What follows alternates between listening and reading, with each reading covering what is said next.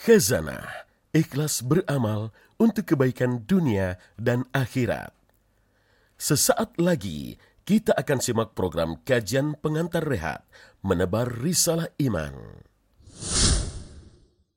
Assalamualaikum warahmatullahi wabarakatuh. Sahabat kajian pengantar rehat, apakah kita berharap ridho Allah atau ridho manusia? Orang yang selalu berharap dengan ridho Allah, ia senantiasa memperbaiki diri dan terus beramal baik dalam kondisi sendiri atau di tengah keramaian dilihat orang atau tidak. Mendapat pujian atau celaan. Karena mereka yakin Allah maha melihat setiap amal baik dan buruk sekecil apa pun. Itulah orang yang ikhlas. Orang ikhlas itu telah mencapai derajat ihsan seperti yang dicirikan oleh Rasulullah Shallallahu Alaihi Wasallam. Ketika ditanya oleh malaikat Jibril tentang ihsan, Rasulullah menjawab, "Engkau beribadah kepada Allah seolah-olah engkau melihatnya. Jika engkau tidak melihatnya, maka sesungguhnya Allah melihatmu." Bagi orang ikhlas, tidak ada yang perlu dirisaukan perkara dunia yang menimpanya ia menerima semua takdir, baik ataupun buruk, karena meyakini rahmat Allah tak terbatas. Dunia baginya kecil, sementara akhirat lebih baik dan lebih kekal. Orang yang ikhlas itu adalah kekasih Allah, seperti disebutkan dalam Al-Quran.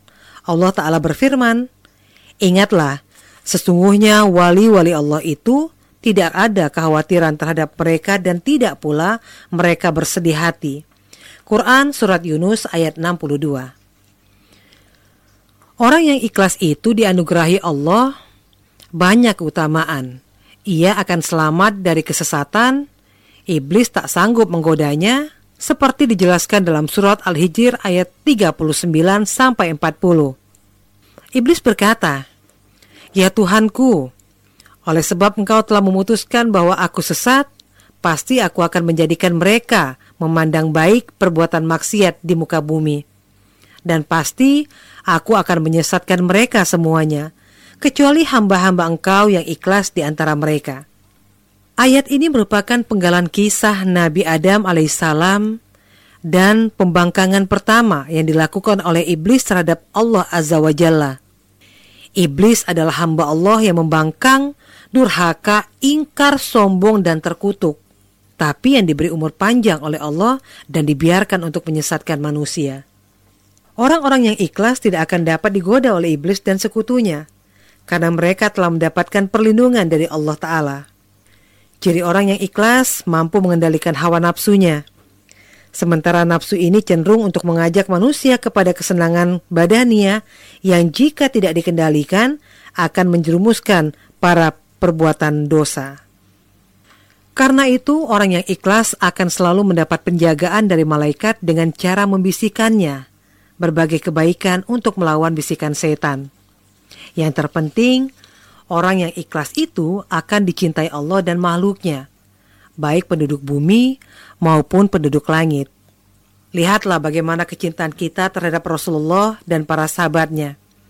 Berabad-abad telah berlalu, rasa cinta kita terhadap mereka tidak mungkin redup Namanya telah terukir dalam hati dan semua perilakunya menjadi teladan.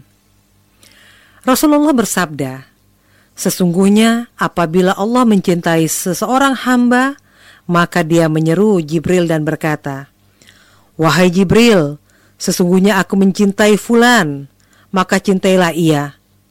Maka Jibril pun mencintainya. Kemudian Jibril menyeru kepada penduduk langit, Sesungguhnya Allah mencintai Fulan, maka cintailah ia. Maka penduduk langit mencintainya. Kemudian ditanamkanlah kecintaan kepadanya di bumi. Dan sesungguhnya apabila Allah membenci seseorang hamba, maka dia menyeru Jibril dan berkata, Wahai Jibril, sesungguhnya aku membenci Fulan, maka bencilah ia. Maka Jibril pun membencinya.